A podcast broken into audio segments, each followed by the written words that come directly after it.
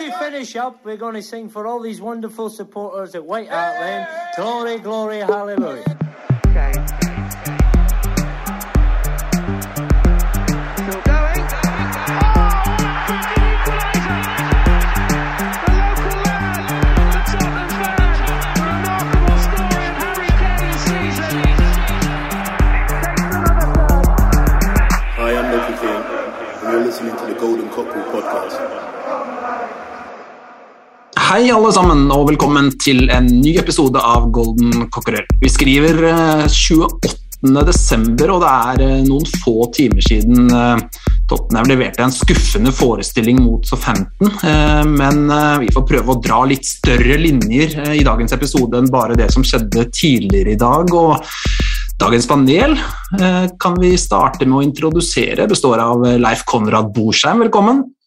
Takk for det. Hei, hei. Hei, hei. Ole Andreas Olsen, velkommen. Takk for det, og god jul.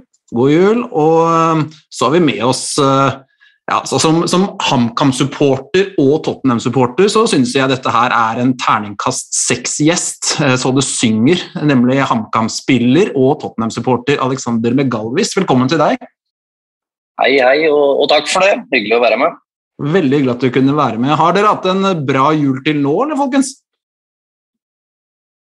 Jo takk, Ja. eh, det må jeg si. Eh, Pinnekjøtt på eh, julaften, som eh, seg oppe bør. Ja. Eh, og eh, og gaver, gaver som barna ble glad for. Det var, var det viktigste. ja. Du Alexander, hvordan har du feiret jul i år? Nei, det er som Ole sier her, det har vært pinnekjøtt hos meg òg. Og jeg har vært hjemme i, i huset med, med besøk av litt familie. Og ja, og vi har kosa oss, vi. Utenom at det har vært litt, eh, litt sjukdom på både meg og minstemann. Men, eh, men vi er på bedringens vei begge to, så det er fint. Det er bra. Du og Leif Konrad, er det, er det pinnekjøtt på deg òg, eller? Det er pinnekjøtt på julaften, ja, men så har vi jo fått testa ribba og sånt eh, første og andre dag. Så fått kommet gjennom det meste av julemenyen. Det er bra. Ble det sprø svor? Ja, jeg er fornøyd. bra. Mer fornøyd med svoren enn Tottenham i dag, kanskje? Ja, eh, vi kommer sikkert litt sånn tilbake igjen til dette. Og, og, eh, og for all del, eh, Antonio Conte en åpenbaring for Tottenham, og dette er bare starten, som, som jeg hører mange, mange si nå. Og jeg er veldig glad for at han selv når, når de vinner komfortable seire, går ut og sier at her er det mye å jobbe med. For det er det absolutt. Altså. Det, Mm. det viste kampen i dag òg, tenker jeg. Ja, definitivt. Vi skal eh, snakke mye om eh, Contes Tottenham underveis. Men vi må starte litt med deg, da, Alexander. Først av alt så må vi jo gratulere med opprykk i år, da. Jo, eh, takk for det. Det var en, en bra sesong som det fløt godt, så vi er veldig fornøyd med det. Ja, hadde du troen på Kamma-opprykk på første forsøk da du kom til klubben før årets sesong? Jeg håpa på det, men at det skulle gå såpass bra, det var det vel ingen som hadde regna med. Så, så nå får vi være med opp og, og ete litt, uh, litt kirsebær med, med, med frukten der oppe. Så får vi se om vi klarer å, vi klarer å bite fra oss. Ja, Leif Konrad, du er vikingsupporter. Frykter du Kamma og Melgalvis på hva heter hjemmebanen? SR Bank Arena neste år? Nei, Jeg bor jo vanligvis i, i Oslo, så for meg er det helt strålende. For da blir det nok en tur til, til Hamar i løpet av sesongen og stå på bortefeltet. og Om ikke det kan ordne tre nye vikingpoeng. De, de leverer stort sett veldig bra på, på Østlandet, så satser på det fortsetter. Ja, Vi kan ta en tur opp, eh, Leif. Du kan sitte på opp til Hamar, så ser vi Kamma Viking eh, neste år. Ikke sant? Ja, det blir gøy. Ja, det blir gøy. Men Alexander, hvis du skal gjøre en eh, lang sesong kort og si bare litt om hvordan den eventyrlige 2021-sesongen i HamKam var, eh, en sesong som endte med et soleklart opprykk, hvordan vil du beskrive den?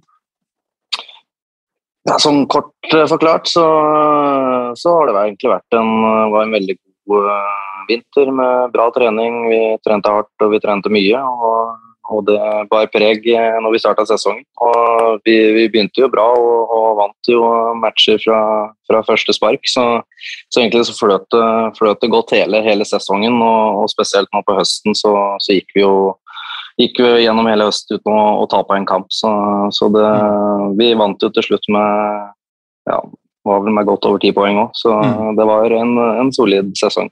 Ja.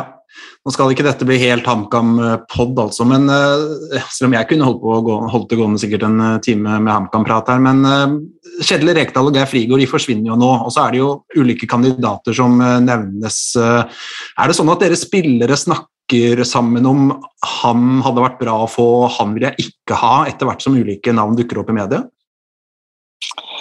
Ja, man skal ikke legge skjul på at, eh, at vi spillere vi, vi prater jo sammen i ny og ne, og, og deler jo litt eh, både erfaringer og, og meninger sånn sett. Så, men, eh, men jeg skal ikke gå noe inn på hvem, hvem jeg ønsker og hvem andre vil ha osv. Men, eh, men klart det, det blir vel en avgjørelse på at det er ganske snart. Da. Så, Ja. så det blir spennende å se uansett. Ja og Og det hadde vært deilig å kunne levere et scoop.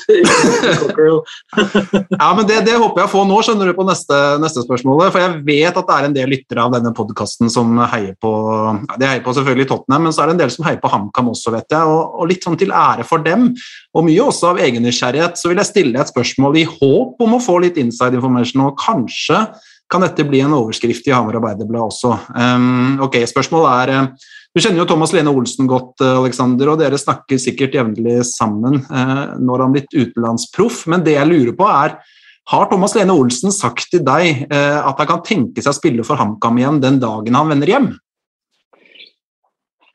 Eh, ja, jeg vil jo Eller altså, vi har jo sittet sammen i bil da, i ganske mange Eller to og et halvt år i Mhm. bil eh, fram og tilbake seks dager i uka. Så vi har jo prata veldig mye. Og vi har jo og klart det har jo eh, blitt nevnt, det, eh, så vidt jeg husker. Og, og Thomas har jo spilt i HamKam før, han, så det, det er helt sikkert noe han kunne ønske seg. Så det, det satser vi på. At han, at han kommer igjen nå etter halvannet år i, i eh, Dubai, er det vel. Ja, det er det. Som eh, Tottenham-supporter, når du selv spiller på høyt nivå, da vil jeg tro at det er noen kamper som kolliderer. sånn. Er det sånn at du sjekker stillingen på mobilen i pausen og sånn, eller på Tottenhams kamper? Jeg har nok gjort det, ja. Det, det skal jeg være ærlig på. Og så, og så ja, ligger ofte telefonen som bare kan ta lite klikken på sida, og så ser han på flashcoren om det har kommet opp noen Mm. goller. Men, men, men Jeg hørte også fra- sist gang jeg, Unnskyld.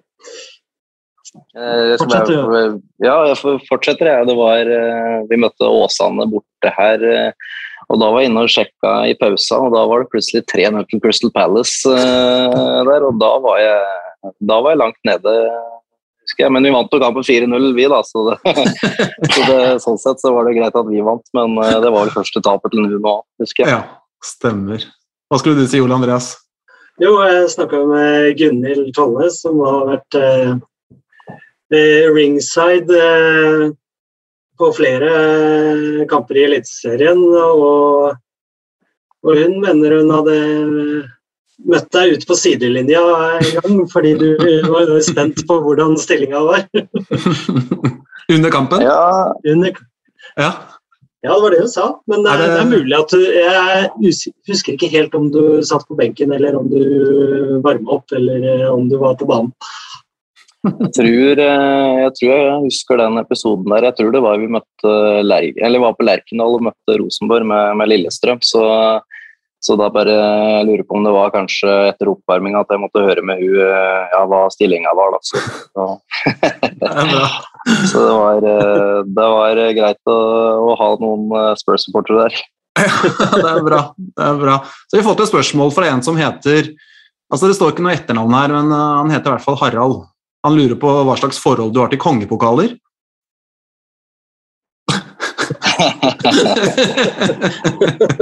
Det, det vet vel sikkert de aller fleste som følger med litt, så det, det trenger vi kanskje ikke gå noe mer inn på her, men eh, ja, sånn er det. Sånn er det. Vi har fått et annet spørsmål fra Tobias Ellefsen. Han, han, øh, du hadde jo en morsom greie hvor du planta Var det LSK-flagget på, midt ute på Valle? Altså, Valle Intility. Intility heter det, var det ikke det? Så spør han hvem i dagens Tottenham-stall hadde vært kapabel til å plante et Tottenham-flagg i midtsirkelen på Emirates. Hvem tror du kunne gjort det? Nei, det var et godt spørsmål. Hvem, eh, det er litt vanskelig å ja, Kanskje Deli Alli, kanskje? Ja, jeg tenkte det samme. Hva tror du, Leif Konrad? For jeg tenkte også på han eh, umiddelbart. Jeg var innom eh, Eric Dyer. ja, han kunne også kanskje funnet på å gjøre det. Ja, ja, når han løp opp på tribuna der etter eh, en kamp her, det var, det var rått. Ja, det var det. Jeg tror Det var mot egne supportere, da. ja, det var det. Jeg tror det, den, den siste som kunne gjort det, det er Hong Min Son, tror jeg. Matt Doherty, tror jeg. Han, han, er jo die hard Arsenal-fan, så han ville jo aldri funnet på det. Ja, det er for så vidt et godt poeng. Apropos Matt Docherty, eh, nå skal du få et ja-nei-spørsmål, eh, Alexander. Eh, vi sitter jo på Skype nå, så vi, vi får ikke festet noen elektroder eller hva man bruker for å kjøre en løgndetektor. Men i stedet så kjører vi Ole Andreas og Leif Konrad som dommere. Så dere får eh, vurdere ansiktsuttrykket og stemmen og ja, hva det måtte være. Når eh, Alexander svarer, så hører vi med dere etterpå om han snakker sant. Er du klar, Alexander? Jep. Har du noen gang sittet og sett en Tottenham-kamp, og så har du sett Matt Docherty på høyre vindbekken og tenkt jeg hadde prestert bedre enn han der i Tottenham-trøya. Hvorfor er han der og ikke jeg? Jeg har faktisk ikke tenkt det, men, eh, men jeg tenkte fælt på han faktisk i dag, sjøl om han kom til noen, eh, noen sjanser. Så maken til uinteressert fotballspiller. Ja. Virker så uinteressert utpå der. Og, nei, det er, eh, det er litt frustrerende å se på. Det er jo et frustrerende bytte òg, men det skal vi sikkert komme litt nærmere inn på Mm. etterpå. Ja, vi skal det. Men er det, ser du litt Syns du han har vært sånn hele tiden i Tottenham, eller ser du litt en spiller som kan være på vei bort om en uke? Det er nok en spiller som er på vei ut. Eh, Han har fått fryktelig lite spilletid nå eh, dette året her. Og klart Nå har det vært noen managere i, som han har hatt der, da. og nå Mm. er jo Conte der, som klart han ønsker å hente fra en litt annen hylle. Forhåpentligvis. Så, så da får vi se, se hvordan det blir. Men eh, det er jo kanskje ikke så mye penger å hente for den uansett. Nei. Vi skal snakke litt mer om det januarvinduet snart, men Ole Andreas og Leif Konrad, tror dere Matt Hockerty er i Tottenham om eh, fem uker? Ja, dessverre. Eh, Jeg tror ikke Roma, som er den eneste klubben jeg har sett som har vært linka til han, eh, blar opp 12 millioner euro på han. Eh, Og eh, Levi er jo kjent for å ikke like å gå i minus, så jeg tror, eh, tror dessverre han blir. Og så kan det også være litt fordi at vi ikke får inn noen erstatter for han. eh, Noen som er bedre. Eh, De eh, høyre vingbekker vokser ikke akkurat på trær, i hvert fall ikke sånne som vi trenger. Som er eh, kanskje mer offensivt anlagt enn en vanlig høyrebekk. Mm. Hva tror du, Nå er vel-?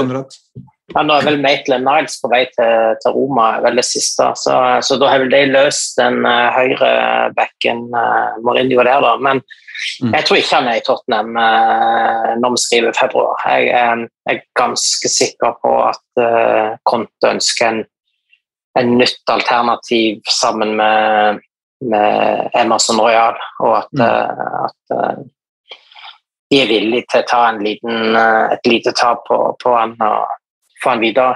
Newcastle de kan vel sikkert, uh, hvis vi er heldige, Ja. være, være frista til å kjøpe, kjøpe han. Men uh, De skal jo ha. Kieran Trippier, så Ja. Nei, jeg håper du har rett, Leif Konrad. Misforstå meg rett, altså. Men Ja. eh, jeg bare ser ikke at han har prestert godt nok til at noen faktisk ønsker ham. For Det er jo et poeng. da. Altså, det er lett å si at han skal de selge og han skal de selge, men når det er spillere som har levert så dårlig som det han har, da, så er det jo det begrensa hvor mange klubber som er villige til å bruke 10-12 millioner euro på han nå. Altså, han er jo 29 år og, og har jo egentlig vært svak nå i Når kom han? To og et halvt år siden? Ett og et halvt år siden? Ett og et halvt år siden, ja. Så det er vel, det er, det er ikke sånn at det er flust av klubber som ligger langflate etter han heller, kanskje? Men hvis Conte på, får inn en, en ny eh, utfordrer til Emerson Royal, så, så vil han jo ikke spille. Da tror jeg eh, Livi vil være interessert i å bli kvitt de lønnsutgiftene. Og, eh, og, og hvis de da taper litt i overgangssum på han, så, så tenker jeg de lever godt med det nå. Mm. Hvordan ble du Tottenham-supporter, Alexander? Jeg hadde en, eh, en nabo i, i eh, ja, eh, i Nedkarnvegen i Brumunddal som eh, heter Georg Grøndalen. Sønn til Svein Grøndalen, som er en tidligere norsk landslagsspiller i fotball og seriemester for Moss i 1987. Sju? Kan det stemme? med, Ja. med Eggen som trener og sånt, var det ikke det? Ja, hva med Eggen, ja. Stemmer. Så ja, han, sønnen hans, han Vi spilte mye fotball sammen. Han er noen år eldre enn meg, men han, han fikk jo meg til å bli Tottenham-supporter, sjøl om øh, begge brødrene mine er i Newcastle. Så, Ja. så det var, så var han som, øh, som fikk overtalt meg til å bli Tottenham-supporter. Så jeg har jo da fulgt Tottenham da øh, siden den gang, om det var på midten av 90-tallet en gang. Og jeg begynte vel for alvor å følge med mot slutten av 90-tallet. 98, 99 og, og 2000. Mm. Så når, man begynte å virkelig se på fotball, så, så det var øh, det som fikk meg til å bli, bli Tottenham-supporter. ja. Er du fornøyd med valget, holdt jeg på å si? Og det var noen, øh, noen øh, fryktelige år der, da. Eller altså fryktelige. Vi, vi har jo vært eller Spurs har jo vært i i Premier League i, i alle år, selvfølgelig. Men, men klart det, jo, det, har jo, det har jo gått litt bedre øh, de siste fem, seks, sju åra, skal vi Mm. si. Så det har, det har vært noen, øh, var noen trausige år med, med mange plasseringer mellom, mellom 10. og 15. og 16. plass. Og det, det var ikke det var ikke så gøy, men var, det, for meg så var det alltid stort eh, å se på Tottenham og, og, og brydde. Og jeg brydde meg veldig om eh, åssen det gikk med laget, da, uansett om det ikke var noe storlag på den tida der. Så, Mm. Så har det vært gøy å være med på en, eh, på en reise sånn sett, og følge med en, en klubb som har vært, tatt steg og vært i bære og bære. Ja. Har du noe, hvem er favorittspilleren din da, opp gjennom eh, disse årene? Jeg har noen, øh, noen som jeg har, som jeg har følt meg godt. Da. Så det var jo På den første drakta jeg fikk, det var jo Darren Anderton. Og Ja, så var det Så hadde jeg en keeperdrakt med Ian Walker. Det Mm. var jo en, øh, det, altså To drakter har jeg jo fortsatt, og så var jeg veldig fan av Ginola. da. Ja. Og sånn i, i nyere tid så var jo Modric var jo kanskje den, øh, den jeg så mest opp til når jeg, når jeg var i, i, ja, i ungdomstida og, øh, og tidlig 20-åra, sånn sett. Da. Så, mm. så er det Kane i dag, da. Det, Ja. det er den jeg, liker aller best av, øh, av spillere. ja. Kult. Hva er deres favorittspiller av Ole Andreas og Leif Konrad? Det har vi nesten ikke spurt om, tror jeg, noen gang. Sånt opp gjennom tidene, eller? Nei, i dag, i dagens lag. Ja, det er jo vanskelig å komme utenom uh, Kane, da. Det er jo det. Ja. Um, ja, så han, han og Son er jo de to opplagte, sånn, tenker jeg. Du og Ole Andreas. Dockerty og Wings. Dårlig gjort å sette de to sammen. Ja, jeg hørte det. Det var det. Var, det, var det. Jeg prøvde å finne Dockerty og en til, og så bare ramla Wings ut. Men det, det var eh, Nei, det, jeg, jeg trekker tilbake den. Dockerty, da, sier jeg. Nei, eh, det er jo opplagt det som, eh, som er sagt. Jeg vil også trekke fram Hugo. Altså. Ja. Han, han har vært hos oss lenge, Mm. så, Ni og et halvt år. så Og jeg vil gjerne at han skal bli lenger òg. Ja, Så, eh, ja. så eh, nei eh, Av dagens stall som som jeg liker veldig godt, som, så er det Hugo Son og Kane. Og så har jeg veldig troa på Skip, altså. Det må jeg innrømme. Han, har virkelig blitt varm både i trøya og hos meg. Mm. Det, jeg støtter den. Eh, 1-1 da, mot Southampton i dag. En eh, skuffende kamp av Tottenham, må vi kunne si. Ikke minst med tanke på at de spilte 11 mot 10 i over en omgang. Men hvis vi ser, eh, ser et litt større bilde enn bare dagens kamp, hva sitter dere igjen med av eh, Contes første uker i Nord-London? Alexander, du kan starte. Eh, jo, selvfølgelig. Det, vi, vi sitter jo igjen med flere pose plusser enn en minuser, eh, selvfølgelig. Det, prestasjonene har heva seg, og, og resultatene har blitt bedre. Eh, så, så klart eh, vi, vi ser jo at det er en, en progresjon som, eh, som eh, absolutt kommer til å gagne laget i, i framtida. Og så har vi nå fått en manager som, som er i sin, eh, sin prime time. da. Mm. Det er en, uh, fått tak i en manager nå som virkelig har levert resultater i det siste og, og, og vant Premier League med Chelsea på første forsøk. Så, så, så det er veldig trua på det som skal skje framover. Altså, jeg så jo en sånn video på Twitter her før i dag fra, fra Sky Sports med Carragher, som, Mm. eh, som, eh, som også var noe tall da, som også viste at man nå tar 2,3 poeng i snitt kontra 1,5 med, med Nuno. I tillegg til det å slippe inn eh, eh, 0,5 mål kontra 1,6 eh, i snitt. Så det er eh, I tillegg til at den løper mer nå i kamper. Eh, Ja. under, under Nuno så var det 100 km i snitt per kamp, nå er det 114.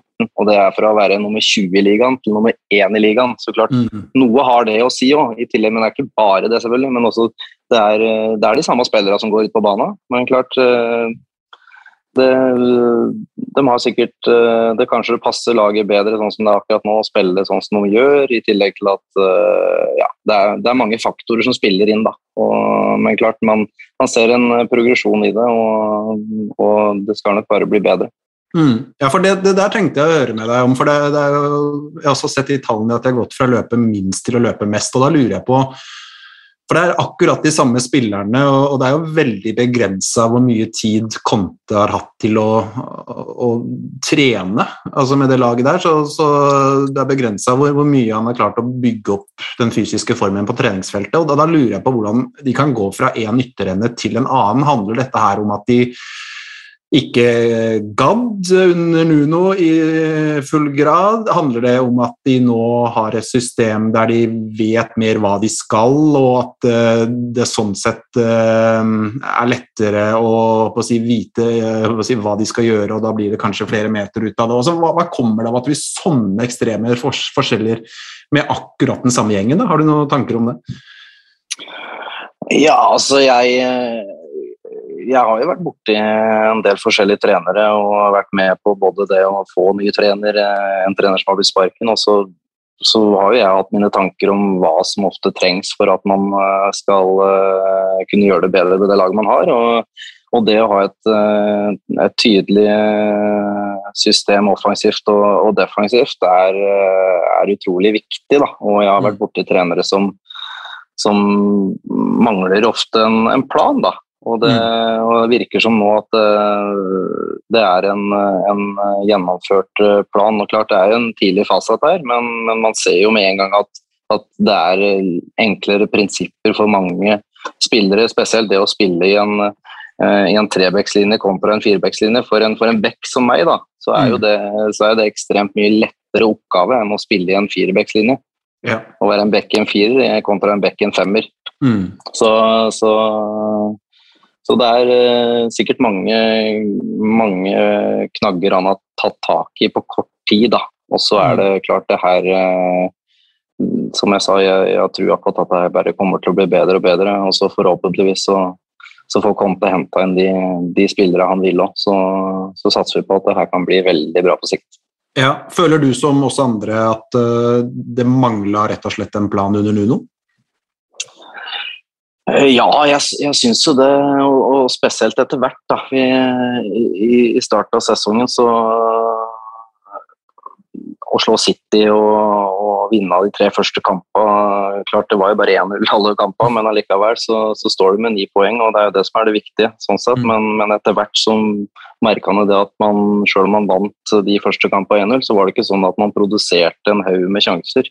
Mm. Og det var liksom, Man hadde liksom ikke trua på at eh, at man skulle skåre mange mål, sånn som man, jeg føler nå når jeg sitter og ser på, på Tottenham. Ofte jeg følte sånn nå, under, eh, spesielt under Pochettino, at, at det laget her kommer til å skåre mål, kommer til å produsere sjanser. Og det, og det, er, eh, og det er en trygghetsfølelse, sånn sett. Og, eh, men klart, det, det mangler jo noe i den, i den stallen her, men det, det vil forhåpentligvis komme. Ja. Ja, Ole Andreas og Leif Konrad, nå ble det jo uavgjort i dag, da, men jeg satt i hvert fall med følelse før denne kampen at i dag vinner Tottenham, og jeg satt med den følelsen før Palace også. Og som Alexander sier, jeg sitter med følelsen før kampene nå at Tottenham kommer til å skåre mål. Um, og Den følelsen hadde jeg jo ikke under Nuno i hele tatt, og kanskje heller ikke i eh, så store deler av den Mourinho-fasen. her. Hva sitter dere igjen med av Contes første uker i Nord-London, og hvordan opplever dere laget nå sammenlignet med en tid tilbake? da?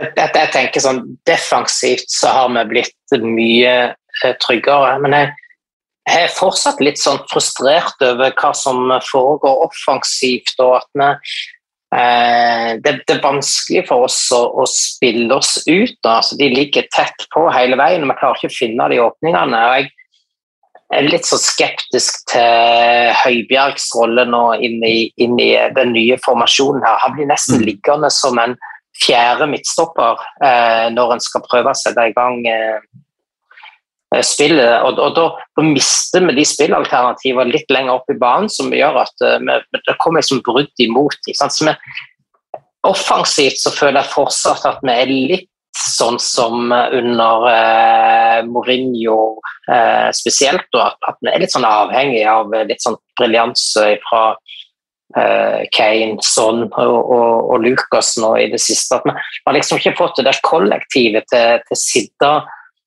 så mye som jeg ønsker, iallfall offensivt. Jeg er helt enig med Alexander at, at det er bedring uh, i det vi, vi, holder på med, og at du ser at de prøver på et eller annet. Men, men det er et stykke igjen til, til det sitter, og så håper jeg jo at Conte får inn noen typer som han er på jakt etter, som, som han vet passer inn i hans måte å, å spille på, så, så, blir det bra. Eh, første manageren i Tottenham som har gått sju ligakamper ubeseiret, så det er jo noe å ta med seg her. Og så må en jo bare ta med at eh, vi satte jo ny rekord i dag i toppdivisjonen med at det er 51 dager siden sist vi spilte en bortekamp. Så det betyr at eh, Conte ja, greit, vi, vi, har hatt Liverpool hjemme, men vi har møtt en del overkommelig motstand på hjemmebane òg, som vi egentlig hadde forventa at vi skulle vinne, iallfall. Iallfall nå. Kanskje ikke vi hadde gjort det under Nuno, men eh, ja, så, så, så, så det, to bortekamper på Conte. Det har blitt to uavgjort. Heimekampene sitter jo, så det, så det er jo veldig bra. Men eh, Ole Andreas, du skal få lov å svare, men jeg bare vil nevne med hjemmestatistikken som du var så vidt inne på der. Den, jeg var nesten ikke klar over det, men jeg ble gjort, jeg tror det var kommentatoren eh, i kampen mot Palace som nevnte det. altså Tottenham har jo vært helt ekstreme hjemme, egentlig. De har vunnet er det 18 av de 23 siste hjemmekampene eller noe sånt. De har fått skikkelig sving på den hjemmeformen sin. Så det er eh, Nei, det var ikke noe mer enn det. Ole Andreas, du skal, ja. du skal jo, nei, jo Det er jo eh, som både Alexander og eh, Leif Konrad sier, at vi, vi, har fått et løft her. Og det jeg liksom sitter igjen mest med, sånn, er jo det at det er samhandling nå.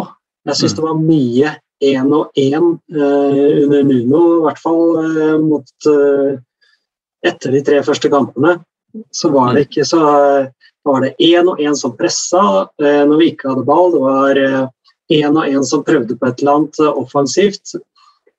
Det er i hvert fall synlig at det er en litt mer større plan, eller helhetlig plan for hele laget. Både når vi har ball og når vi ikke har ball.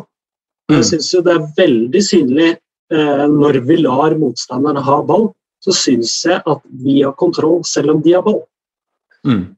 Og det, det, har jeg ikke sett på en god stund. Eh, for det var ikke sånn under slutten eh, på Mourinho-tiden eh, eller Mason for den saks skyld. Men nå, nå, er jeg ikke så bekymra når motstanderen har ball.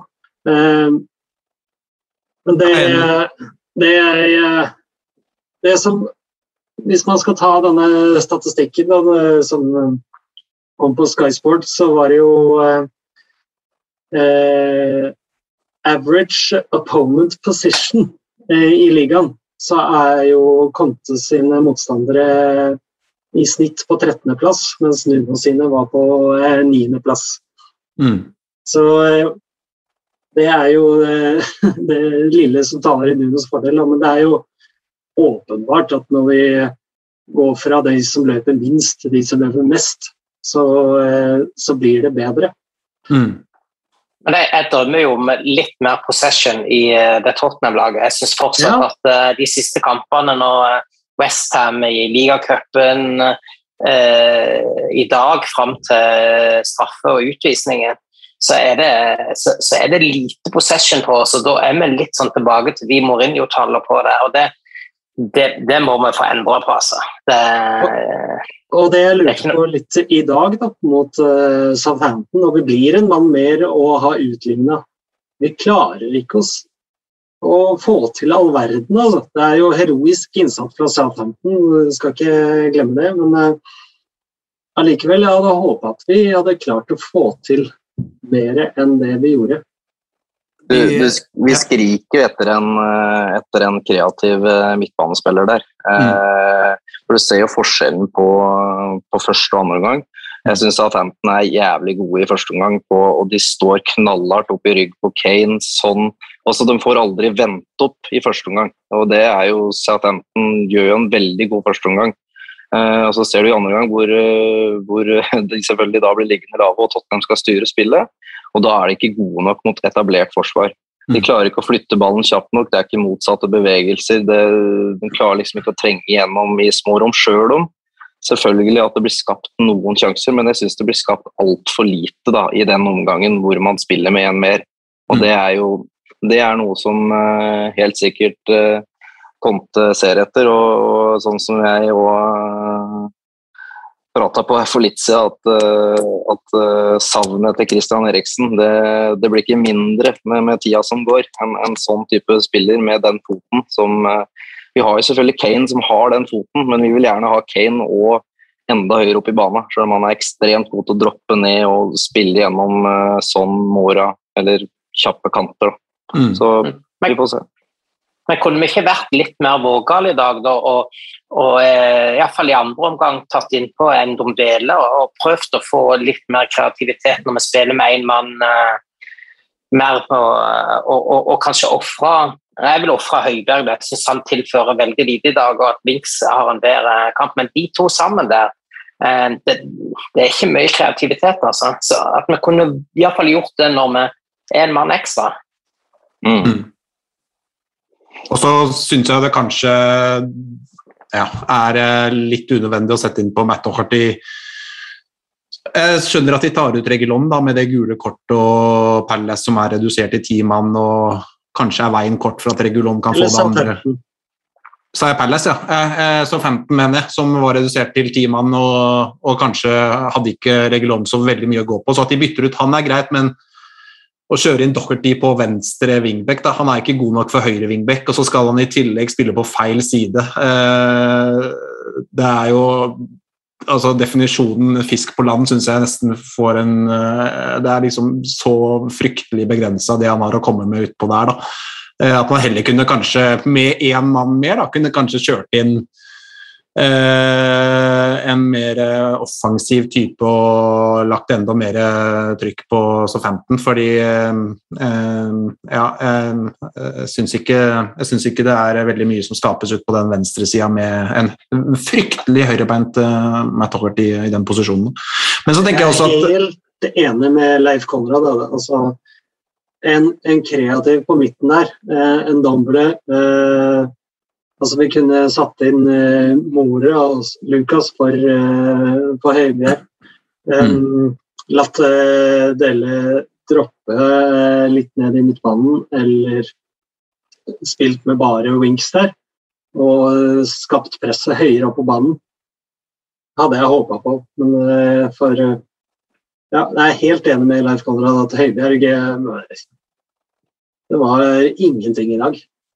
De bruker jo to bytter på wingbackene sine, og, og jeg skjønner ikke helt hvorfor eh, de eh, altså For det første skjønner jeg ikke hvorfor Del Alli skal spille i den brede posisjonen fremst der, fordi der syns jeg ikke han er noe bra. Da får han heller spille litt inne sentralt bak eh, Kane, sånn som han vel gjorde i større grad mot eh, Liverpool. Men så lurer jeg også litt på hvorfor de ikke kjører inn Ndomblé ved pause, eh, Lucas ved pause, og heller bare kjører Davy som venstreback og Emerson som høyreback og spiller med en firer bak et eller annet. For jeg syns det er litt rart at de ikke kan sette inn på Ndomblé i dag. Da. Eh, han er jo i hvert fall en spiller som eh, kan låse opp litt eh, på en god dag, så det syns jeg var kanskje litt merkelig disponering. Hva tenker du, Alexander?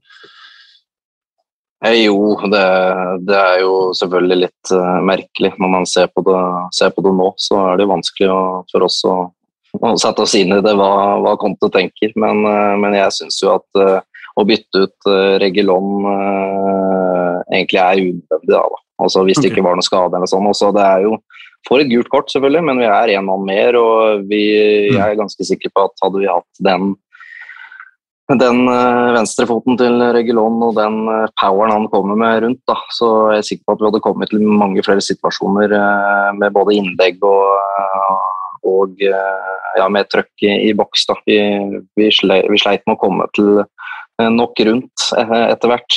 Men jeg syns for så vidt at de innhoppet land han Gill var han viktig. Kom inn, ja. han, han, var jo litt leken, så, så, det var for så vidt greit nok. Men Doherty niks. Men er, er, er, altså, du, du, har en så venstrebeint spiller som uh, Brian Hill og, og uh, Doherty som er så høyrebeint, og så spiller de på feil sider, som jeg nærmest vil i hvert fall si når du, er, når du er wingback. det er klart at Hvis du har noen overlapper og sånt som kommer rundt, så er det jo litt annerledes at de trekker inn som vinger. Men når du er wingback, at de spiller Eh, på feil side. For meg var det veldig rart at ikke de bytta da når eh, Royal gikk ut og, og Hill kom inn. Mm. Ja. ja. Men eh, Alexander, du har selv opplevd å få ny trener midt i en sesong. Um, si litt om altså, Hva tar en ny trener tak i sånn umiddelbart? Jeg vil anta at de kommer med mange ideer og ofte ønsker å forandre mye på kort tid, men hvor mye får man gjort når kampene kommer så tett eh, som det er gjort for Tottenhams del? Og, uten at du har vært i Tottenham-garderoben denne høsten, men hva konkret tror du da Conte har fokusert mest på nå eh, de første ukene? Jeg eh, tror jo at han har fokusert på å få, eh, få, laget til å henge sammen, rett og slett. Også, både defensivt og offensivt, og ha knagger man, enkle knagger man, man spiller etter. Og så må man jo Han har jo sikkert sett på hva er det hva er det det trengs å gjøre her? Også Laget skårer ikke mål, det slipper, begynner å slippe inn mye mål. Altså det, mm. det, er ting som trengs å ta tak i. og, og For å dra en, en sammenligning til, til HamKam, da, med når Kjetil Rekdal kom inn i, i fjor sommer, ikke at jeg var der da, men eh, etter hva jeg har hørt og hvordan vi har drevet på i år, så var jo liksom det fokuset hans var jo da at eh, Eh, at vi skulle slippe inn null eller ett mål og skåre to eller flere. Og da mm. vinner man fotballkamper. Det var fokuset. For HamKam hadde en, en utrolig rekke på uh, vårsesongen i fjor hvor de, hvor de uh, slapp inn mål mm. i siste del av kampene hver, hver runde. Også. Så det mm. var uh, helt på slutten av kampene slapp inn mål. Om det var to, eller i verste fall også tre mål, så det var det han eh, spesifikt tok tak i da, og, og da ble kampa ble jevnere, og man tok flere poeng. Og man klarte å, å dra jevne kamper i sin favør og, og, få flere trepoengere. da. For HamKam leda jo mange kamper, og før eh, de skifta trener. Mm. Leda mange kamper helt inn mot slutten, mm. men, men, det røk der og da. Så det var, ikke, det var, ikke, det var litt annet problem der. Da. Der var det et lag som skåra mye mål, men også mm. som slapp inn en haug mål, og så kunne ofte slippe inn mot slutten. Altså, da tok tak i det at her skal vi stenge butikken når man leder. Mm. Og og selvfølgelig eh, gå for å vinne og ta poeng selvfølgelig da, og vinne kamper. og Det føler jeg nå at, at Conte har jo sånn som eh, Leif Konrad sa i stad. Altså, det har jo gått uh, sju kamper nå. Nå var det sju kamper i PL uten, uten, at det har blitt et nederlag ennå. Så Mm. Klart, det har, det har, blitt bedre, og, og, og, det blir forhåpentligvis også enda bedre etter hvert. Ja, og denne sesongen var det vel totalt ett baklengs siste kvarteret i løpet av hele sesongen, var det ikke det? Ja, det var vel eh, Vi slapp inn på overtid mot Ålesund. Eh, mm. Siste tapet vi hadde i år. Så, Ja, Det var det eneste, eneste tapet. Stor forandring. Um, Men vi ser jo at det er en del Tottenham-spillere som har slitt i en lengre periode i klubben, som nå plutselig ser uh, ganske mye bedre ut uh, under Conte. Hvordan vil du sett utenfra forklare det løftet en del spillere har hatt? Da? Altså, hva kan en manager gjøre på den korte tiden for å løfte en del av enkeltspillerne så mye som, som Conte har gjort? Det handler litt om, om rolla òg. Jeg ser at mange har prata på at eh, Davies har jo eh, funnet en rolle som passer ham eh, mye bedre. Eh, og spiller en stopper Han hadde jo helt sikkert også gjort det bra i en wingback-posisjon. Jeg syns at han blir for svak eh, som en, som en back i en firer, og spesielt mot, mot de beste laga. Eh, når man møter de beste vingene og, og han sliter mer én mot én, sjøl om jeg syns at han han eh, var langt svakere igjen mot en defensivt for eh, tre-fire år siden enn det han er eh, i dag. Mm. Ja, så har det jo flere spillere som, som har Dyer blant annet, som, som kan styre sjappa inn i sentralt der. Spesielt kampen mot Liverpool der, hvor han slår de Alderferel-kulene Mm. til Deli Alli igjennom. De har man jo også savna, selvfølgelig. Så Nei, det, man, ser jo det at, eh, man ser jo det at det er flere spillere som har løfta seg, og det er liksom ikke helt uh, lett å sette akkurat fingeren på det, men noe handler jo med rolla du har i laget, og, og selvfølgelig så handler det om, om sjøltillit og, og, ja, og, og tro på treneren osv., og, så videre, og uh, helt sikkert. Mm. Sanchez ser ut som en fotballspiller. Hvem? Sanchez. Sanchez? Ja. Sanchez. Jeg syns, altså nesten alle har fått seg et løft, ja. Eh, etter at Conte Altså mer eller mindre, da. I hvert fall så syns jeg eh, stort sett eh, Så noen har løfta seg sånn kamp etter kamp, helg etter helg, og noen har hatt noen gode enkeltkamper. Men det er helt rått hvordan han har klart å løfte nær sagt en hel tropp. Hvilke spillere er det som har imponert dere mest, Ole Andreas og Leif Konrad, etter at Conte tok over? Eh, eh, som Alexander sa, da, så er det mange som har løfta seg. Men kanskje noe av det viktigste er jo at eh, Harry Kane virker interessert i å spille fotball igjen. Mm. Og det, det syns jeg vi, vi bør nevne. Altså, fordi han, han har eh, Han har uh, skåra nå eh, er dobbelt så mange mål så under Kante som under Nuno. Men eh, jeg syns jo at uh, David Sanchez uh, virker mer kapabel til å spille fotball nå enn under Nuno Mm. og under Mourinho. Um, Harry Winks, ikke minst, eh, begynner jo å se uh, at han uh, kjemper for, eh, for laget og en plass på laget. Ikke bare dasse rundt og spille bakoverpasninger. Eh, Dele Alli, not so much. Jeg tror dessverre at eh, Jeg har jo prøvd å selge han i to år nå, har jeg ikke det? Men eh, ja. Eh, jeg er redd for at han eh, får seg en liten sånn boost ved hver eneste managerbytte, og så dabber det av. Så jeg tenker heller at vi må selge Dele Alli enn å skifte manager annenhver måned. Ja, definitivt. Hvem har imponert deg mest, da, Ole Andreas? Nei, unnskyld, Leif Konrad mente jeg. Uh, ja, imponert mest. Jeg, men jeg har lyst til å trekke fram bare uh, Brian Sesnior, uh, som jeg syns er utrolig fint å, å se litt sånn tilbake igjen. og, og eh, selvfølgelig skada på nytt. og Han fikk jo et grusomt, eh, grusomt kamp nede i Slovenia mot Mura. Var det vel, var det ikke der han ble utvist, eller var det Jo, Mura. Stemmer det. Mm. Eh, men så fikk han jo sjansen mot Liverpool, og Sala har vel aldri eh, vært så usynlig på flere sesonger i, i, i Premier League. Så, så det syns jeg er utrolig spennende, hvis vi kan få han eh, inn der nå. Jeg tror Kanskje det også var årsaken til at eh, han eh, tok ut Regilon i pausen i dag, litt fordi at eh, du så på slutten der at så 15 gikk omtrent for å prøve å få han utvist. eh, Så, så, så, så det er utrolig trist at de, de må ta det grep, men jeg tror det var lurt, og litt med tanke på, på første nyttårsdag eh, mot Watford. Mm. For du har ikke Alternativet da hadde jo vært eh, Ben Davis, kanskje. Så, så liksom bare for å tenke neste kamp òg litt der, så, og, så tror jeg nok òg at de tenkte at dette, dette har vi i boksen og mot ti mann, og dette skal vi få i havn sjøl uten regelånd, at vi, vi safer litt på det. Så ja, jeg hadde, hadde Cézinho vært tilgjengelig, så tror jeg ikke at eh, han hadde gjort det byttet i dag. Alternativt hadde han hevet inn på Cézinho i pausen, selvfølgelig, da, men ja, hadde han vært klar til, til første nyttårsdag, så tror jeg regelånd hadde fortsatt. Mm. Så han, han eh, håper jeg vi ser mye mer til fremover. Ja, det, det har jo tatt lang tid før han har uh, egentlig slått til i Tottenham, men uh, han har sett positiv ut, uh, syns jeg, i et par av de kampene han har spilt den senere tiden. Så med han og Regulon der, så er de godt forspent på venstresiden, i hvert fall.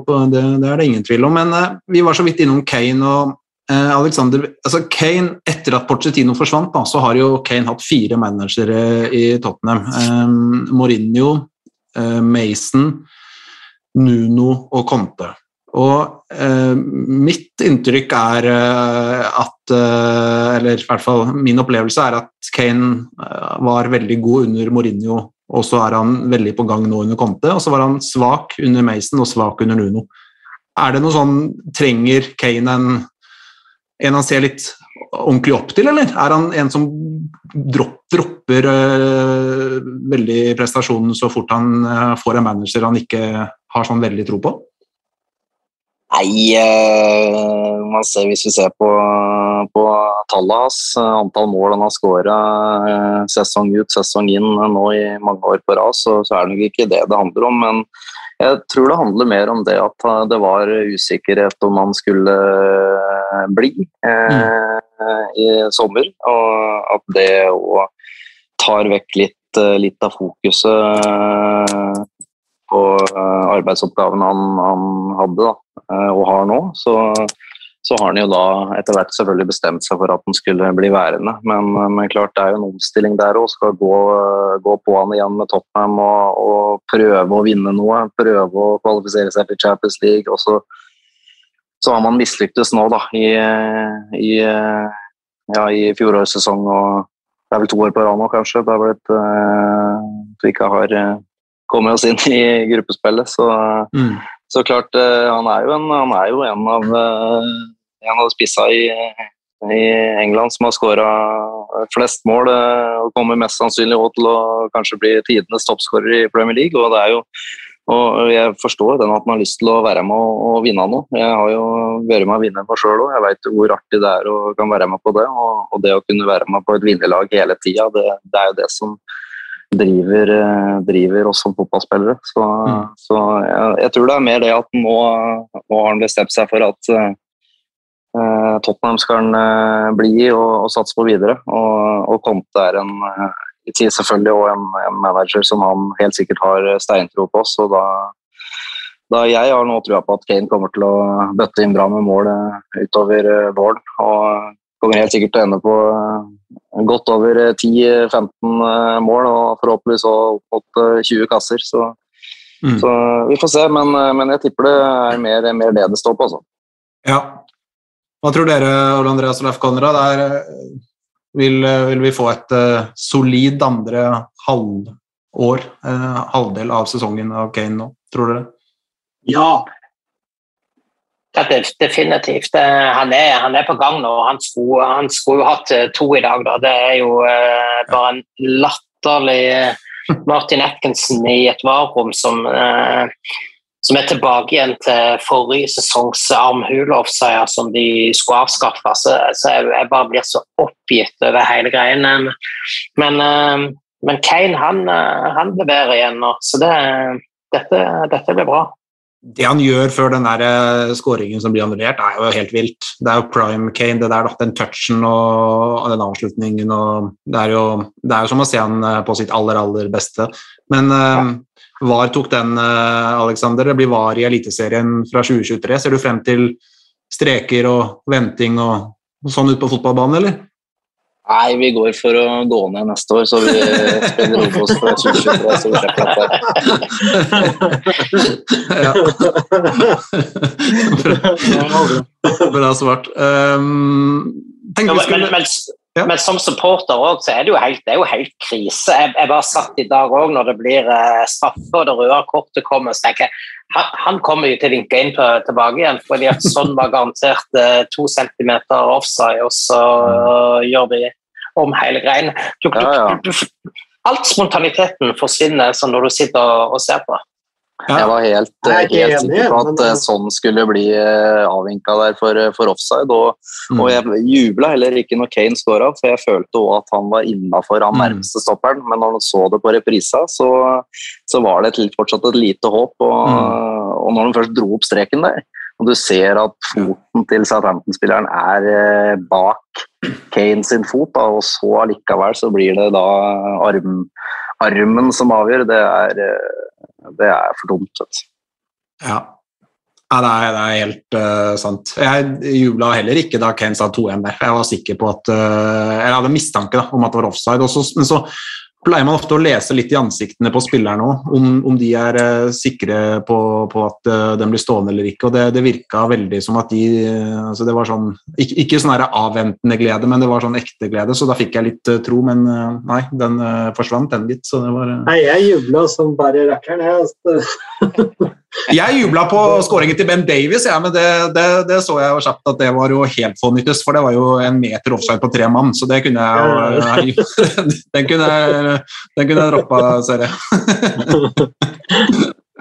Men øhm, jeg tenkte vi skulle vende blikket litt mot januarvinduet. Øhm, og jeg har lyst til å spørre deg, Aleksander, fordi du er jo i bransjen og har vært gjennom mye av dette og, de mekanismene rundt overgangsvinduer selv. og det er jo mye snakk nå om at Tottenham vil forsøke å hente spillere i den og den posisjonen. F.eks. en stopper og en høyre wingback snakkes det en del om, eh, blant annet. Eh, Og som stopper og høyre wingback da, i Tottenham, hvilke tanker gjør man seg om at klubben aktivt ser etter en forsterkning i din posisjon? Altså, Syns man det er bra at klubben ønsker å forsterke, syns man det er bra at klubben vil forsterke, men man skulle gjerne sett at de kanskje ikke henta en spiller i akkurat din posisjon, eller føler man rett og slett at det er noe dritt at de skal hente en spiller som spiller eh, samme plass på banen eh, som det man selv gjør? For det, det vil jo mest sannsynlig bety at man selv kommer til å spille mindre. Hva- hvordan ville du reagert da, hvis, eh, for å spørre sånn, hvordan ville du reagert hvis du bladde opp i Hamar Arbeiderblad i morgen og leste at Espen Olsen håper å hente én ny spiller i vinter, og, det skal være en høyre wingback? For, øh, jeg må jo prate fra mine egne erfaringer, så, Ja. men, men sånn Jeg har egentlig aldri følt noe, noe på det. Jeg har egentlig bare dratt på trening hver dag og nytt det å få lov til å være fotballspiller. Og, Mm. og har egentlig ikke tenkt så mye på det. Og jeg har alltid vært opptatt av at øh, jeg ønsker å spille på et lag som er best mulig. Og, og jeg tenker jo at øh, jeg har jo en sånn evne også, da, til å egentlig få spille mye uansett hvem som er trener. og Det er jo en, en god evne, og jeg har mest trua på meg sjøl at, at jeg skal klare å kapre til meg en plass på laget. Så, så jeg har egentlig ikke tenkt så mye på, på akkurat det. At, mm. at eh, det hentes noen i den og den posisjonen. Men, eh, men det kan hende at det er andre som tenker annerledes. Det, det er det helt sikkert. Vi er forskjellige. Mm. Men er det sånn, Har du opplevd noe i de klubbene du har vært, at det er noen spillere som har blitt misfornøyde fordi de har skjønt at nå jobbes det Eller det har kommet inn at de, klubben kjøpte i dag en uh, spiss, uh, og, og at det da er en spiss som er der fra før, som uh, surner litt og syns det er unødvendig av klubben å, å hente en spiller i hans posisjon, når han skjønner at han da kanskje vil spille mindre? Ja da, jeg har, jeg har vært borti noen tilfeller hvor, eh, hvor, eh, hvor det er eh, litt Ikke misnøye utad, men at det kan danne seg noen små grupperinger i, i gruppa da, av, for, av spillere som kanskje spiller litt mindre. Og, Mm. og, og, og spesielt i tillegg hvis det ikke går spesielt bra for laget og man fortsatt ikke får muligheten til å spille. Så da, da kan det bli litt sånn, sånn misnøye i, i gruppa, og det er jo aldri bra for ei, for ei gruppe, det sånn sett. Men, men klart, sånn er, sånn er det jo på alle mulige nivåer, det er jeg helt sikker på. Mm. Hvor på Oldboys-laget spiller du, Leif Konrad? Ja, jeg er jo havna lenger og lenger tilbake på banen. Jeg, etter hvert som eldre jeg er blitt, så nå står jeg litt der som stopper og ja, koser meg. hvis det hentes inn en stopper til Oddås-laget ditt, da, så Du, Det går helt fint. Det går helt fint. du bare puster letta ut, du, da, hvis det kommer er helst en fordel, ja. Tror vi det skjer mye i januar, da, i Nord-London? Ja, normalt, normalt sett så gjør det jo ikke det, da. Eh, I disse januarvinduene. Steve Hitchen han hater jo januar. Han, han eh, Det er helt umulig å få til noe som helst. Så får vi se om Paratici er mer glad i, i januar, men eh, jeg blir litt overraska. Men, men det er klart det er jo en del connection til Italia nå, så jeg er jo litt sånn spent på, på et par her nå. eh, Dusan Vlaovic, eh, Frank Kessie, er det ikke det han heter AC Milan? Han kan de vel få signert en kontrakt som fra sommeren av da, nå i januar. Mm. Uh, Mathis de Licht hadde jo vært uh, fint å ha hatt der bak. Det er mye, det er mye spennende, men, men uh, ja, vi får se. Stefan Eh, De Vrij. Mm. jeg, eh, hvis det kommer inn noen, så tenker jeg det er en, eh, det er en bonus, egentlig. Ja, Vi kan ta en uh, gjetterunde her. Hvor mange tror vi kommer inn? Du kan starte, Ole Andreas. Ja, jeg tror, eh, jeg tror det kommer inn eh, i hvert fall én. eh, Litt for å vise Konte at ok, vi mener business. Vi, vi, vi ansatte deg ikke på falske premisser.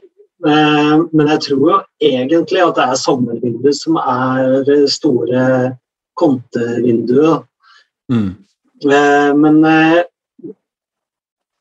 ja, nei, hvis vi finner noen kjøpere for Doherty, så, så tror jeg det kommer inn noen eh, høyresida spiller. Det tror jeg. Ja. Eh, Dusan Vlahovic eh, hadde vært en eh, drøm med den eh, produksjonen han har. Men jeg tror ikke at det skjer noe før til sommeren. Hmm. Dessverre.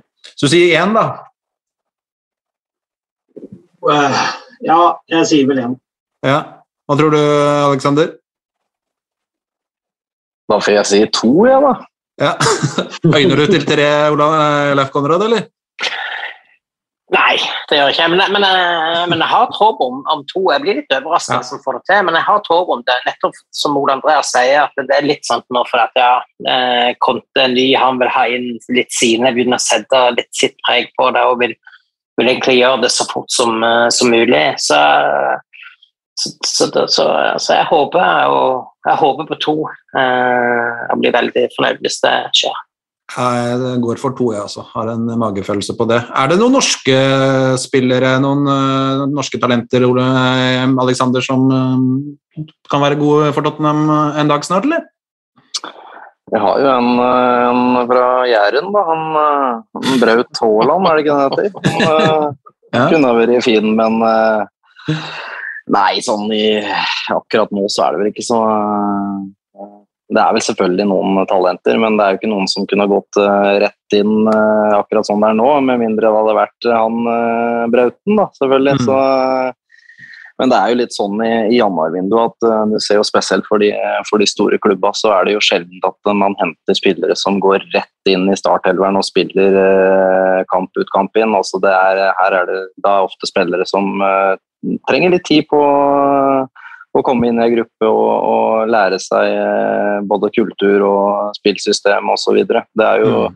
det er mer et sånn desperat vindu for, eh, for de litt eh, desperate klubbene, sjøl om vi er litt desperate vi òg. Men, eh, men vi er eh, Spurs er nå fortsatt med i, i kampen om en Champions League-plassering eh, til neste år. Så, så man trenger ikke å være så desperate, men, men det hadde vært fint om det hadde kommet inn en, et nytt fjes eller to, ja. Ja, Hvilke posisjoner er det vi syns er viktigst, da, hvis vi skal eh, ja, rangere de to-tre viktigste posisjonene og kanskje få på plass noe allerede i januar? Ole Andreas? Mm. Vi har snakka om eh, høyre wingbacks, eh, selvfølgelig. Men Ja. selv om jeg er fan av Lo Celso på sitt beste, så er jeg litt lei av å vente på han, rett og slett. Jeg eh, ser for meg at han eh, kan forsvinne til La Liga igjen og blomstre, og så får vi heller være klubben som ikke fikk det til med han. Men eh, å få inn en som Alexander nevnte i stad, en Eriksen-type som har en fot som distribuerer, som stikker, som, som jobber og løper og Men hvem det skulle vært, det er jeg usikker på. Men det hadde vært eh, det hadde vært det jeg hadde satt mest pris på, egentlig. For jeg tror at Conte kan få skikk på de andre. Nå er jo, nå er jo mannen som skal erstattes, er jo gratis og uten kontrakt for tida, da. Hvem? Christian Eriksen. Har han lov til å spille i England? Ja, det sies så. Han fikk lov å spille i Italia, men han får lov å spille i England. Sies det. Men uh, jeg vet ikke hvor uh, realistisk det er. Uh, det var et lite sidespor. Men ja, nei, jeg er enig med deg. Du sier altså en høyre wingback og en kreativ midtbanespiller, da? Ja, en, en som ikke nødvendigvis Han trenger ikke å skåre like mange mål som Eriksen, men, men være den offensive av de to eller tre på midten. Nå kom jeg på noe veldig lurt, Aleksander. Alexander. Tror du tenker vi det samme nå, eller? Eh, Det, er, det tror jeg ikke. Den andre Christian Eriksen. Ja, det er jo en annen Christian Eriksen. Ja. ja, han har jo vært veldig, veldig kreativ for, eh, for Kamma i år, og eh, så kanskje det hadde, hadde vært noe. Men Kristian er jo eh, altså Vår norske Eriksen er jo Ja. Han flyger gjennom muren, så, så kanskje det er kanskje ikke det vi, vi trenger. Det har vi jo både Høyberg og, og Skiptli gjøre, så, Sant det. så kanskje det hadde vært bedre med en med en skikkelig fot òg. Ja. Eh, Da, Konrad, hvem, eh, hvilke posisjoner eh, tenker du er viktigst? Nei, det, vi har jo vært innom det. Jeg, jeg tenker at vi egentlig har nok altså Jeg vil ikke prioritert stopperplass nå hvis ikke det dukker opp en sånn en opplagt som vi må slå til på, eh, som blir tilgjengelig. Men eh, høyre, høyre vingbekk og en, en kreativ eh, eh, en, en Mosa Dembele-type på midten hadde vært en drøm. Jeg vet ikke helt om du klarer å finne han uten å klone han, men eh, det hadde vært nydelig. Og så tenker jeg jo en nordmann til som kunne vært spennende. Det er jo Markus Holmgren Pedersen som høyre wingback. Eh, Mm. litt usikker på om han, om han har nivået helt ennå, men han eh, jeg er blitt kjempeimponert over det jeg eh, av han på, på landslaget. Så, og har jo gått gradene nå, er jo i Feyenoord. Så klart at det neste steget er kanskje en Premier League nå. Eh, Han til å utfordre Emerson Royal hadde kunne Kan vært spennende. han, bytte han med Berkveid. Ja, han blir vel neppe til Feyenoord, kanskje, da. Men uh... Det var der han kom fra. Så. nei, PC. Ja. Unnskyld. Er det, er, det, er det Wikipediaen som er eh, feil igjen nå, eller Ole Andreas? Ja, ja. Den, eh, den indre Wikipediaen mellom eh, høyre og venstre øre. Ja, eh, du da, Alexander, hvilke posisjoner syns du det er viktigst å forsterke nå i januar? Nei, den, jeg vil jo gjerne ha en, en sentral midtbanespiller, ja da. Det, det er det ikke noe tvil om. Så, så klart så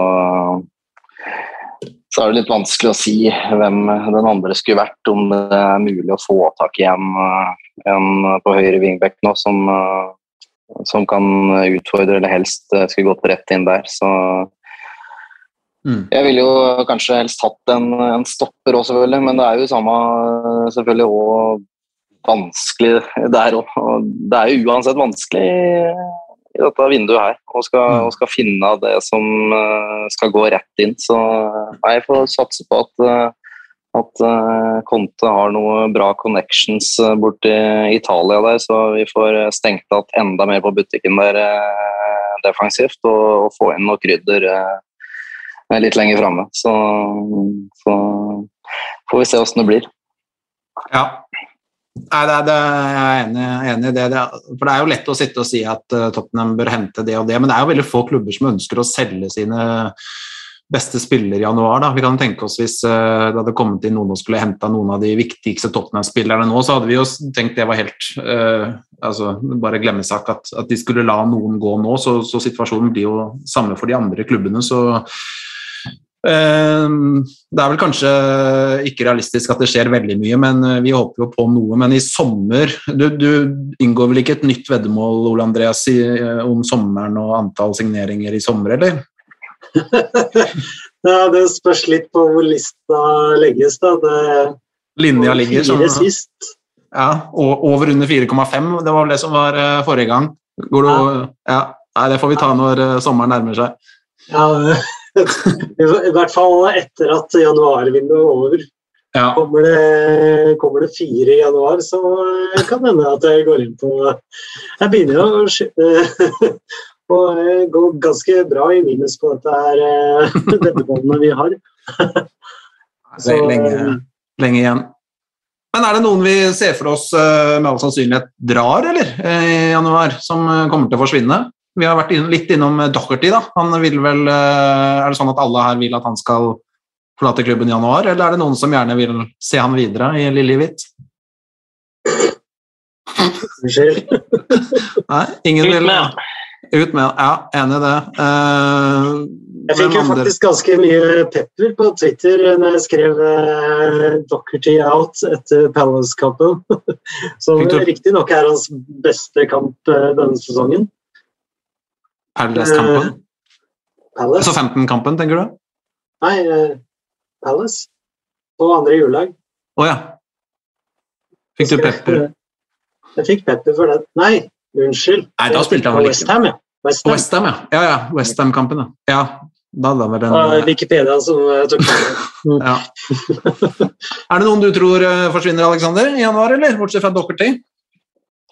Det alle. Eh, nei, jeg vil jo ikke tro det at det er eh, så mange som forsvinner. Eh, altså Hvis Docherty forsvinner, så er det jo fordi at eh, sånn som Leif Konrad sa i stad, at da er det en annen som er på plass. Da vil jo ikke Mm. slippe han med mindre at eh, Klart, nå har jo han Tanganga, han kan jo også spille høyre wingback, han. Og jeg føler jo egentlig at han kan gjøre en vel så god jobb eh, som han eh, som spiller her nå.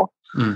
Så, så det, det kan jo selvfølgelig skje, men, men jeg har liksom ikke trua på at de selger Deli Alli nå. Og, og, og ikke Bergveien heller, for så vidt. Nei. Nei, Som kanskje er de mest opplagte. da. Ja. Utlån, da. Altså eh, Dele til eh, Newcastle eh, på utlån eh, med kjøps... Eh, eh, opp, eh, nei, hva heter det? Obligatorisk kjøp hvis de holder seg. Opsjon. Opsjon. Mm. Ja, opsjon. Ja, det hadde vært fint, for dem, eh, dem betaler vel bra òg. Mm. Ja, de kan i hvert fall matche lønna hans. Så, Så. Han har jo ganske grei lønn, han eh, Dele Alli. Eh, ja, han, eh, han er en dyr mann å hente. Eh, Lønna hans er høy, så Men eh, nei, vi får se. Det, det er jo bare fire dager til, eh, til januarvinduet åpner. Eh, så det skal bli spennende å følge med på dette vinduet med Konto og Paratici som styrer den skuta. Og så er det jo bra med matcher fremover, da. Eh, Watford eh, nå på nyåret 1.1, og så er det jo eh, to matcher mot Chelsea i ligacup-semifinalen og Morecambe. Eh, har du god oversikt på dem, eh, Alexander, i FA-cupen? Hva, hva kan vi se opp for der? Nei, Han eh, passer på han spissen nå, så han er fryktelig rask og sterk og skårer i mål, så der må vi være obs. ja, da skal jeg holde deg med han spissen. og så venter jo eh, Nord-London eh, Derby eh, 16.1. Det er mange kamper fremover, Leif Konrad, og Watford først da på lørdag. En kamp vi vel både håper og tror at de skal vinne. Men har du, har du troa på topp fire denne sesongen, her, eller? Ja, det må, det må han ha når en ser på hva andre lag presterer rundt oss nå. Så, så er det absolutt uh, en mulighet for det. det. Mm. Det er jo synd å si det, men det er jo kanskje Arsenal som fremstår som den største utfordreren akkurat nå. da. Så litt sånn avhengig av hvordan vi får denne terminlista til, til å gå opp, så, så har jeg tro på det. Og så må vi begynne å, å, å plukke litt mer poeng på, på bortebane. Watford nå er første, de har fem strake tap nå, hvis ikke, vi, hvis ikke vi tar den heller nå. Så, så, så, så, blir jeg skuffa. Så får vi se, men Nå er det jo en del torsdager som åpner, som de nå kan sette inn eh, noen av disse utsatte kampene på. Så, så det skal vel få det til, til å gå opp. Eh, Mm. Men det, det, blir, det blir tett. Vi trenger en stor tropp. Ja. Jeg skal over på eh, North London Derby. Oi, oi, oi. Eh, Vi får se da om eh, koronasituasjonen tillater det, men det er planen i hvert fall. Ja, Jeg har jo fortsatt til gode å se Tottenham slippe inn mål på hjemmebane. ja, bare, har du det? Ja, det er bare å komme seg over. jeg har, nå skal det sies at jeg har ikke fryktelig mange kamper der, men jeg har 13-0 i målforskjell. Jeg så 13 jo siste, siste North London Derby på White Hart Lane, så jeg der. Da var du også der, Leif Konrad. Mhm. Så det er pene tall. Eh, Ally og Kane som skåra. Starte en Så eh, satser på at, en liten gjentagelse av det, egentlig. Ja, men det, det hadde Hvis de slår Watford og Arsenal ryker på en liten smell mot City og Det hadde vært kult å, å gå inn i den eh, matchen der med et momentum, da. Det, det, det er en match eh, de bør ha muligheten til å, å ta, syns jeg. Har du vært over og sett dem live, eller, Aleksander?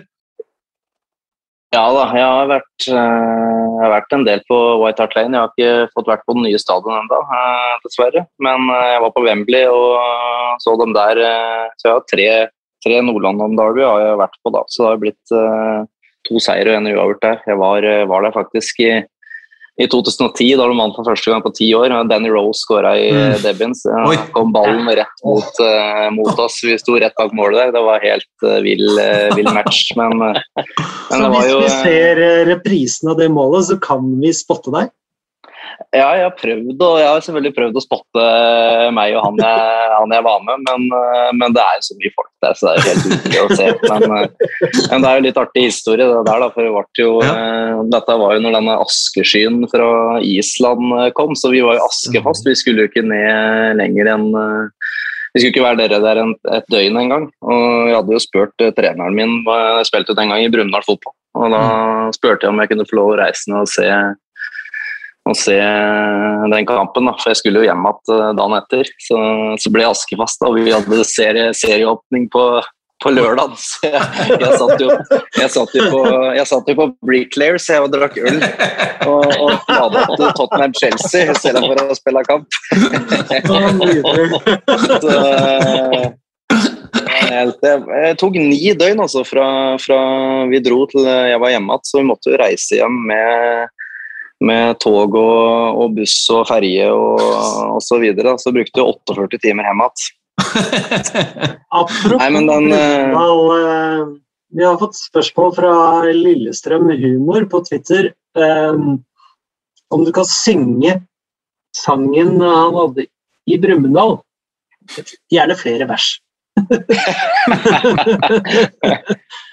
Nei, den, eh, jeg tror vi lar den gå, ja. Altså, den, eh, den, den egner seg ikke så godt. Altså, men, eh, ja, da. Nei, ja, men uansett så var jo den Det var en Det ble jo Vi fikk jo med oss serieinnspurten. Da var jo den sesongen de kvalifiserte seg til Champions League for, for første gang med. Skåringa til Crouch på, på Etihad der. Så Mm. vi fikk jo med, med en 2-1-seier mot Arsenal og en 2-1-seier mot Chelsea den uh, lørdagen. eh, Det var i midtukekamp dette mot Arsenal, da. så det var jo eh, Nei, den lørdagen var senkamp, og det var jo strålende solskinn, så vi satt i bakgården på Bricklayers fra, fra tidligmatchen og ble ganske mør før matchen, egentlig, men, eh, men det var eh, det er jo eh, utrolig artig da, å, være med på stemninga opp mot eh, match. Ja. ja, det er det. Det er, men vi, vi supportere vi snakker jo veldig mye tabell og topp fire og poeng opp og alt mulig sånn. Er det, er det mye tabellsnakk og poengsnakk og sånt i en uh, spillergarderobe, eller? Eh, ja, litt både òg. Eh, og klart man, man, ser jo på tabellen etter, etter, hver kamp, eh, både som supporter og som spiller. Så, så klart det er jo litt artigere å, å bla opp tabellen når man har vunnet. Mm. men, eh, men, klart, eh, i år så har det bare vært en, en ren fornøyelse å, å, bla opp tabellen etter match. Så, men klart, jeg har alltid vært opptatt av, av å lese tabellen. Så det er jo det, det er resultatene vi, vi lever av. Ja, hva med spillebørs og sånn, da? Sjekker du børsen på deg selv, eller? Ja da, jeg følger med på, på børs òg, så, ja. så det, Ofte er det mye dårlige karakterer, men, men, men sånn er det. det. De er strenge, de er strenge vet du, men de har vært snille, snille på Hamar i år, da. Ja, de har det. Men er Hvordan med deg, Rafkon? Sjekker du børsen etter Allboys-kampen, eller? Nei da. Men jeg faktisk satt børs sjøl og ble sendt ut her for et eller annet gang for å sette børs på en uh, på en eh, damekamp i toppserien mellom Arna-Bjørnar og gud vet hvor jeg studerte i Bergen. Ja. og Lise Klavenes husker jeg spilte på, på, på, på bortelaget.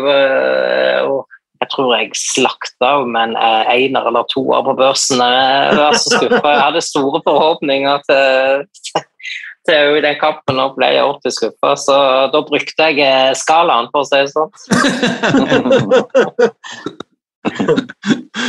Fikk du like mye pepper på SoMe som Mats Arntzen gjorde etter å ha gitt Sørloth en, eh, en lav karakter etter landskamp?